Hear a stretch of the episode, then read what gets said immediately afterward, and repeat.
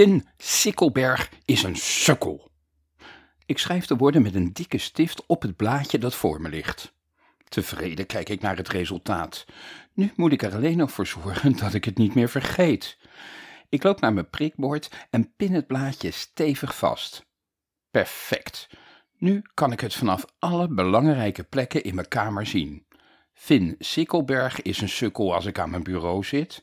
Finn Sikkelberg is een sukkel als ik op mijn bed lig. En Finn Sikkelberg is zelfs een sukkel wanneer ik neerplof op mijn zitzak. Vanaf die zitzak staar ik een poosje naar de tekst op het blaadje. Ik kan het gewoon niet geloven. Vanmorgen op school deed hij nog heel gewoon tegen me. En nu dit. Ik pak mijn telefoon en lees opnieuw zijn bericht. Hoi Sil, ik wil het met je uitmaken. Ik ga nu met Bente. Ik hoop dat je niet boos bent. Doe AUB normaal tegen mij op school. Finn, 15 uur 54. Het staat hier toch echt. En dan ook nog met Bente, die stomme poedel uit 2B. Finn valt niet eens op meisjes met krullen. Dat heeft hij mezelf ooit gezegd. Ik scroll naar beneden en lees dan mijn eigen berichtjes door. Huh? Wat bedoel je precies? 15 uur 56. Me even terug, please. 15 uur 59. Reageer nou, Finn. 16 uur 3.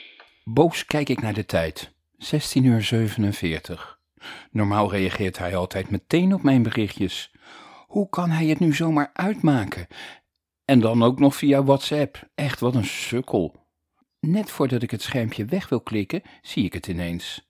Waarom is het me niet eerder opgevallen? Er staat maar één vinkje bij mijn berichtjes. Dat betekent dat Finn ze helemaal niet ontvangen heeft. Nu begrijp ik het. Hij is natuurlijk vergeten om zijn telefoon op te laden. Typisch iets voor Finn. Ik gniffel even. Hij kan het straks vast allemaal uitleggen. Ook dat stomme berichtje van hem. Misschien is het wel gewoon een vergissing. Of een flauwe grap. Ja, dat is het natuurlijk. Het is gewoon een flauwe grap. Finn houdt wel van zulke geintjes. Hij maakt het vast niet zomaar uit.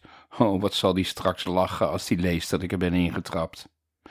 Ik leg mijn telefoon naast me op de grond en hijs mezelf uit de zitzak. Met mijn handen in mijn zij kijk ik naar het blaadje op het prikbord.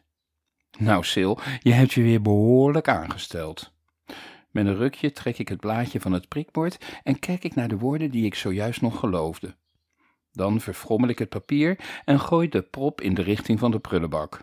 Yes, tien punten voor Sil Lemons. Sil, kom je even naar beneden? De stem van mama klinkt anders dan normaal. Met tegenzin loop ik naar de trap. Wat is er? Kom nou even naar beneden, schat, zo kan ik niet met je praten. Mama staat in de gang met haar jas in de hand. Haar gezicht is bleek. Luister, Sil, ik moet even naar het ziekenhuis. De buurvrouw van oma belde zojuist en ze vertelde dat oma gevallen is en met een ambulance naar het ziekenhuis is gebracht. Waarschijnlijk heeft ze haar heup gebroken. Ik kijk naar het bezorgde gezicht van mama. Mag ik met je mee? vraag ik. Nee, Sil, dat is nu niet handig. Bovendien wil ik dat je hier bent wanneer Brit thuiskomt. Ze is na schooltijd gaan spelen bij een vriendje, Leslie geloof ik. Mama werpt een snelle blik op haar horloge. Over een kwartiertje zal ze wel thuis zijn. Ja hoor, dat heb ik weer. Ik mag niet mee naar het ziekenhuis, maar wel op mijn kleine zusje passen. Niet zo moeilijk kijken, Sil. We moeten het nu even samen oplossen, goed? Oké, okay, zuchtte ik. Ik blijf wel thuis. Fijn, je bent een schat. Mama hangt haar tas over haar schouder en loopt naar de voordeur. Ik bel papa wel vanuit de auto. En jou stuur ik straks een berichtje. Oké? Is goed, mam. Ga nu maar.